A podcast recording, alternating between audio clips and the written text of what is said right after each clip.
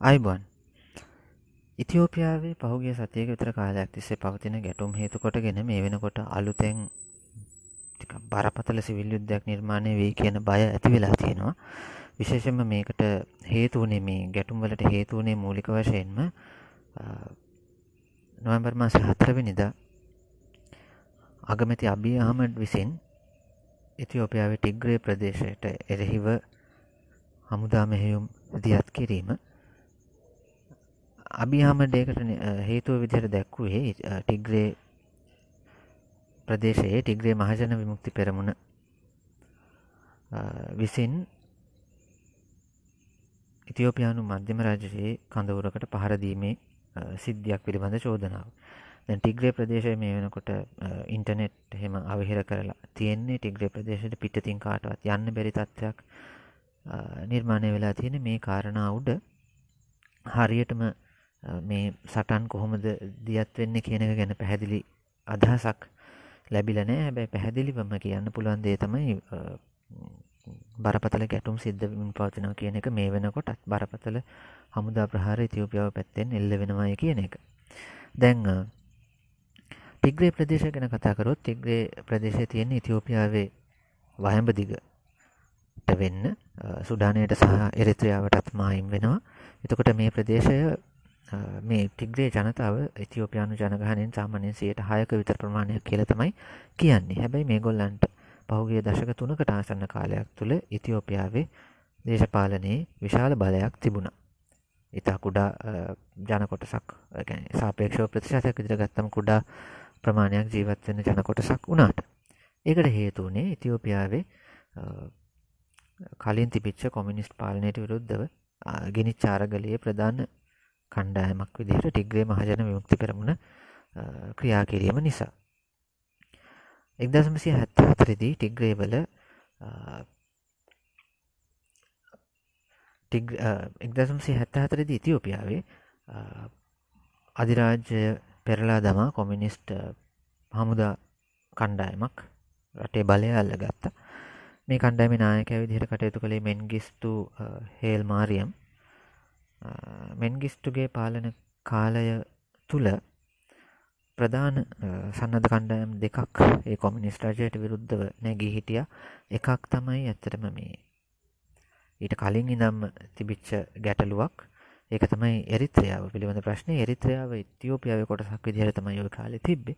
එතකොට එරිත්‍රයානු නිදහස දිනා ගැනීම උදෙසා සටන් කරපු එරිත්‍රයානු මහජන විමුක්ති පෙරමුණ ඒවගේම ටිග්‍රේ ප්‍රදේශය ක්‍රියාත්මක වුණා එක්දසමසය හැත්ත පහේදී පිහිටුවන ලද ටිග්‍රේ මහජන විමුක්ති පෙරමුණ ඔය සංවිධාන දෙක තමයි කොමිනිස් රජයට විරුද්ධව දරුණු අරගලයක් ක්‍රියාත්මක කරේ එක්දසමසි අනුනමේදී ඔය ටිග්‍රේ මහජන මුක්ති පෙරමුණ මේ තවත් සංවිධාන කිහිපයක් එක එකතු වෙලා පක්ෂ තුනක් එක එකතු වෙලා පිහිටුවාගත්තා ඉතිෝපියානු මහජන විප්ලවකාරී ප්‍රජාතන්ත්‍රවාදී පෙරමුණ. Ethiopian people revolution democratic front එමනැත්තං EPRDF කියන එක. ඒගොල්ලු තමයි දසමසය අනුව එකේදී කොමිනිස් රජය බිඳවැටීමත් එක්ක ඉතිෝපිය බලයට ආව. එතොට ඒගොල්ලන්ගේ ඒ සංවිධානය ප්‍රධානම් පක්ෂ විදිහට තිබුණ TPL එක. එරිත්‍රයානු මහජන විමුක්ති පෙරමුණ සහ ටිග්‍රේ මහජන විමුක්ති පෙරමුණ අතර තිබ මිත්‍රත්වය දසමසය අනුවකින් පස්සේ වෙන් වෙනස් වුනා මොකද එරිත්‍රයාවට ඉතිෝපියාවෙන් කැඩිලා නිදහස ලබාගන්න අවශ්‍ය වෙච්ච නිසා ඔවුන් ඇත්තටම එකට සටන් කරේ කොමිනිස්ට් පාලනය පෙරලා දැමීමූ දෙසා ඊට පස්සේ ඔවුන් අතර තිබ්බ යාළු මිත්‍රකම් ටිකෙන් ටික වෙනස් වුන අපි දන්න ඊට පසේ එරිත්‍රයාව සහ තියෝපියාව අතර අවස්ථා කිහිපයකම දරුණු ගැටුම් නිර්මාණය වෙලා තියෙනවා කියන එක යුද්ධ පවා ඇති වුණා කියන එක. කොහමහරි මේ ටිග්‍රේ මහජන මුක්ති පෙරමුණට අයිති සාමාජික ඒ අය තමයි ඉතිෝපියාව නායකත්වය දැරුවේ දෙදස් දහට අවුරුද්ධ වෙනකම් දෙදස් දහට අවුරුද්දේ විශේෂම ඔරෝමෝ ජනතාවගේ විරෝධතා හේතු කොටගෙන කලින් එවකට හිට වගමිතිවරයට ඉල්ලාස් වෙන සිද්ධ වුණා. ඊට පස්සේ තමයි අබී අහමඩ් බලයට ආවේ. අබී අහමඩ් ඔරෝමෝ ජාතිකයෙක්. ඊට පස්සේ ටිකෙන් ටික ටිග්‍රේ මහජන මුක්ති පෙරමුණේ සාමාජිකයෝ දේශපාලනයෙන් කොන් වෙන්න පටන් ගත්තා. අබි අහමඩ්ගේ ප්‍රතිසංස් කරන හේතු කොටගෙන ඔහු ඇතරම එරිත්‍රියාවත් එක්ක තිබ්බ යුද්ධත් අවසානයකට ගෙනාව. ඊට අමතරව මේ රටේ දූෂණ විරෝධී ක්‍රියාදාමයක් පටන් ගත්තා. එතකොට TPLF එක නායකයෝ කියන්න ගත්ත. ඇතරම තමන්ව වැඩිපුර ඉලක්ක කරනවා අබියහම තමන්ගේ මේ ක්‍රියාදාමයන් තුළින් කියන එක. ඊට පස්සේ මේ මේ දෙගොල්ල අතරේ ගට්ටනය ටිකක් බරපතල වෙන්න හේතුනේ පහුගේ සැප්තම්බර් මාසි ටිග්‍රේවල තිබ්බ ප්‍රාදේශය මැතිවරණය. එකැනේ මැතිවරණය පවත්වන්න නියමිත වෙලා තිබේ ඉතිෝපියාවේ මහමැතිවරණය පවත්වන්න නියමිත වෙලා තිබේ සැප්තැම්බරේ. කොහොමහරි අබියහමඩ් මැතිවරණය කල් දැම්ම කොරෝනා වෛරස් තත්ත්වය ගැන ඒක නිදහසර කාරණයක් කරගෙන නමුත් ටිග්‍රේවල ප්‍රාදේශය පාලනය ඒ ප්‍රදේශයේ මැතිවරණය පැවැත්තුවා. ඒ ප්‍රාදේශය ව්‍යවස්ථාදායක මැතිවරණය පැවැත්තුවා. ඉතිෝපියාව කිව්වා මේක නීති විරෝධී කියල. නමුත් එරිත්‍රය ටිග්‍රේ පාලකයින් ඒක ගණන් ගත්තිනේ ඒ අනුව තමයි මේ මත බේදය හුඟක්ම දරුණු අතට හැරෙන්න්න පටන් ගත්තේ. ඊට පස්සේ ෆෙඩරල් ආණ්ඩුවෙන් ලැබෙන අර මුදල් කපා දමන්න කටයුතු කලා ටිග්‍රේවල මේ ප්‍රාදේශීය නායකත්වයට ඒ ලබා දෙන්නතුව රජයෙන් පත් කරපු නිලධාරීන්ට ඒ අරමුදල් ලබා දෙන්න පටන් ගත්ත. යනාදී වශයෙන් ටිග්‍රේවල ආණ්ඩුව සීමා කරන්න. එක ටිග්‍රේවල ආණ්ඩුවේ බලය සීමා කරන්න ඉතිෝපියනු රජය කටයුතු කරන්න පටන් ගත්තා. ඒ ඔස්සේ තමයි මේ වෙනකොට මේ ගැටුම් නිර්මාණය වෙලා තියෙන්නේ. දැන් ඉතිෝපියාව ගත්තම ෆෙඩරල් ක්‍රමයක් ක්‍රියාත්මක වෙන්නේ පළත් දහයක් තියෙනවා යම් යම් ස්වතන්ත්‍ර පාලන බලතල තියෙනවා. ඒ අයටම පොලිසි සහ මිලිෂයා තියෙනවා. එතකොට සමහර අය සම්කැන රොයිටස් පුවත් සේවය විසින එක අවස්ථාවක වාර්තා කරලා තිබුණ විදිහට අනුමාන කරනවා ටිග්‍රේවල දෙලක්ෂ පනස් දහසක පමණ එකෙන් දෙසේ පනස් දහසක පමණ සන්නද්ධ කණ්ඩායම් ඉන්නවය කියලා. මිලිෂයා කණ්ඩායම් යනාදී වශයෙන් සහ මේ අය විශේෂම ඔය කොමිනිස් පාලනයට විරුද්ධ අරගලේදි සහ ඊට පස්සේ ඔය එරිත්‍රයාවට විරුද්ධව කරපු යුද්ධවලදී මේ යුද්ධවලට සහභාගි වෙලා ඒ පලපුරුද්ධ සහිත කණ්ඩායම් තමයි ටිග්‍රේවල ඉන්න කියන එක. ටිග්‍රේවලට තියෙන ප්‍රශ්නය දැන් ටිග්‍රේ කියන පොඩි ප්‍රදේශයක් සාපේක්ෂව ගත්තම ජනගහනයෙන් සියයට පහක් විතර ඉන්න කිව්වත් වගේ. එතකොට එක පැත්තකින් එරිත්‍රයාවට මායිම් වෙලා තියෙන එරිත්‍රයාවත් සලකන්නේ ටිග්‍රේ ප්‍රදේශ තමන්ගේ හතුරෙක් විදිහට TPLF එක තමන්ගේ හතුරෙක් විදිහට. එතකොට ටිග්‍රේවලට සටන් දිගටම යද්දී ඒගොල්ලන්ට මොකක්ද කරන්න පුළුවන්? ඒගොල්ලන් කියන ප්‍රශ්නය පැනනගෙනවා ඉති ඒ අනුව දැන් ටිග්‍රේ වල දේශපාලනායකත්වය උත්සාහයක් ගත්තා.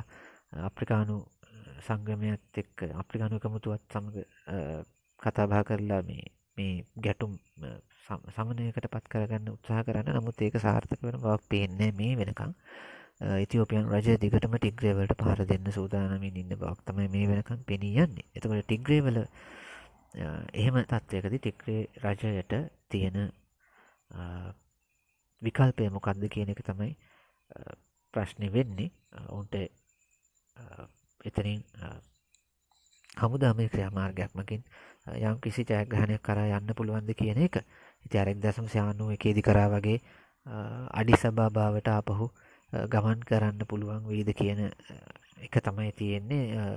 ඒ එතනදී ප්‍රශ්න තියෙන ඇතරම අඩි සභාභාවලට යන්න තරං ඔවුන්ට හැකියාවක් ශක්තියක් තියෙනවද කියන කාරණය පිළිබඳ සැකයක් තියෙන මොකද ඔවුන් කොච්චර වුණත් තවත් ප්‍රදේශ ගණනාවක කණ්ඩායම් ෆෙඩරල් හමුදාව සහ වෙනත් මිලිෂයා කණ්ඩායම් මේ වෙනකොට ටිග්‍රියාවට ප්‍රදේශවලට රඟවිමින් ඉන්නවයි කියන ආරංචියක් තියෙනවා. ඒ අනුව බොහොම දැවන්ත මෙහෙයුම් දැවන්ත සටන් සිදුවෙන්න ඉඩ තියෙනවා. මේ තත්ත්වය දිගට මේ විදිර ගියොත්. ඉතින් ඒක තමයි දැනට පවතින තත්ත්වය. යම් කිසිහයකින් සාමය සඳහා කටයුතු සිද්ධ වනේ නැත්තං මේ තත්ත්වය බොහොම බරපතල ගැටුමක් දක්වා වර්ධනය වෙන්න ඉඩ තියෙනවා. ඉතින් එතකොට ටිග්‍රේ වලට තියෙන විකල්පය මොකක්ද කියන ප්‍රශ්නය එනවා. එක්කෝ ඒ අය අඩිස බාවලට පහර දෙන්න ගිහිල්ලා ඉක්මනින් සටන ඉවර වෙනවා දෙහෙම නැත්තන් දීර්ඝ කාලීන සටනක් ගිහිල්ලා විශාල විනාශයක් ඒ ප්‍රදේශයට වෙනවද කියන එක.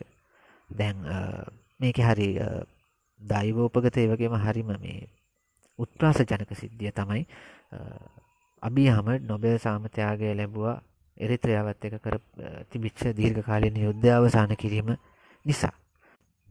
ඉතින් දැන් ඒ වගේ නායකයෙක් විසින්ම ඒ වගේම සමහරට ඊටත් වඩා විශාල සටනක් මෙහෙවීම තමයි මෙතන තියෙන උත්ප්‍රාස ජනක තත්ත්වය. දැන් පරණ සන්ධානය ඔය EPRDF කෙන සන්ධානය දැන් පවතින්නේ නැහැ. අභියහම දෙදස් දහනමේදී අලුත් පක්ෂයක් පටන් ගත්තා. ප්‍රොස්පෙරටි පාටිය නැත සෞභාග්‍ය පක්ෂය කියලා. ඒකට අර පළමු ඒ සෞභාග්‍ය පක්ෂයට පළමු පක්ෂයේ හිටපු අනික් පක්ෂ තුන එකතු වුණා. නමුත් ටිග්‍රේ මහජන මුක්ති පෙරමුණ එකතු වනේ නැහැ. ඔවුන්ව යම්කිසි කොන් කිරීමකට ලක්වෙනවය කියන කාරණීමත ඔවුන් ඒකට සම්බන්ධ වනේ නැහැ. ඒ පක්ෂ හදන කාලෙම අපි දැක්කා සමහර විචාරකයෝ කියල තිබ්බා. අබි අහමඩ මේ කරන්න යන දේ විශේෂම සමහර ජාත්‍යන්ත්‍ර මාධ්‍යවල සඳහන් වෙලා තිබ්බ. අබී අහමඩ් මේ කරන දේ ප්‍රොස්පෙරිටි පාටි එක හදලා කරන දේ දීර්ඝකාලීනව ගත්තම ලොකු ගැටුමක් කරා යන්න ඉඩ තියෙනවා කියලා. එතන වැඩි කාලයක් යන්න කලින් ඒ කියන්නේ අවුරුද්දක් අවුරුද්දක් අවුරුදු දෙකමාරක් වගේ ඇතුළත ඒ අනාවකයේ සත්‍යයක් වෙලා තියෙනවා මේ වෙනකොට බොහොම බරපතල ගැටුමක් බරපතල මානුෂීය වශයෙන් ගත්තම බරපතල විනාශයක් කට ළඟට අපි ඇවිල්ල තියෙනවා අප සැරයක් ඉතියෝපියාවෙදි. ඉතින් අපි බලමු මොකද වෙන්න කියලා ආය වෙනත් දවසක හම්බෙමු එතකං හැමෝටම ජයවේවා.